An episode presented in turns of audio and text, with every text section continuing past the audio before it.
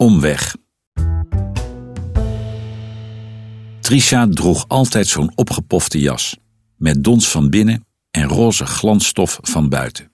Als ze hem aantrok, deed ze dat altijd met een behagelijk gezicht, wat eruit zag alsof ze eindelijk was waar ze wilde wezen. Thuis. Beschermd zijn. Dat was belangrijk voor Trisha. In een veilige omgeving verkeren, weg van de dreiging die de buitenwereld op haar uitoefende. De wereld was haar vijand. De wereld had haar in de steek gelaten. Maar binnen ons bedrijf was ze op haar gemak. Met reguliere bedrijven had ze slechte ervaringen achter de rug. Ze voelde zich als oud vuil op straat gezet. Ik hoefde maar te beginnen over naar buiten gaan, zoals we dat noemen, of ze sloeg onbeheersbaar in de paniek. Ze kon niet, ze wilde niet. Ga weg, laat me met rust. Waarom kan het niet zo blijven als het is? Het gaat toch goed zo? En als ik haar dan haar zachte pofjas zag aantrekken om naar huis te gaan, dacht ook ik: ja, waarom eigenlijk? Ze heeft het nu toch goed? Een tijd lang heb ik het opgegeven.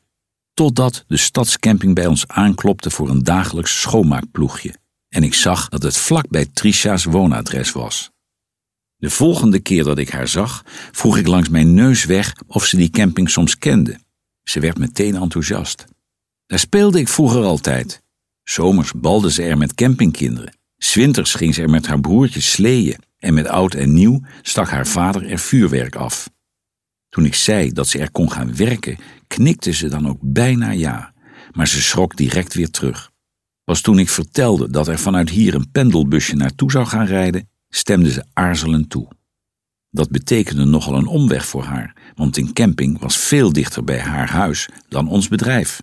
Maar ja, zo voelde het nu eenmaal veiliger. Minder als een gang de boze buitenwereld in. Na een paar weken vroeg de camping om nog meer van onze mensen. Die pasten niet allemaal in het busje en toen is Tricia gevraagd om op eigen gelegenheid naar de camping te gaan. En zo waar, ze zei ja. Want inmiddels deed ze er geen schoonmaakwerk meer. Ze werkte nu in de campingwinkel en haar zelfvertrouwen groeide naar venant. Trisha's grote avontuur stopte niet toen de zomer afliep. De campingbaas, heel tevreden, nam haar in vaste dienst.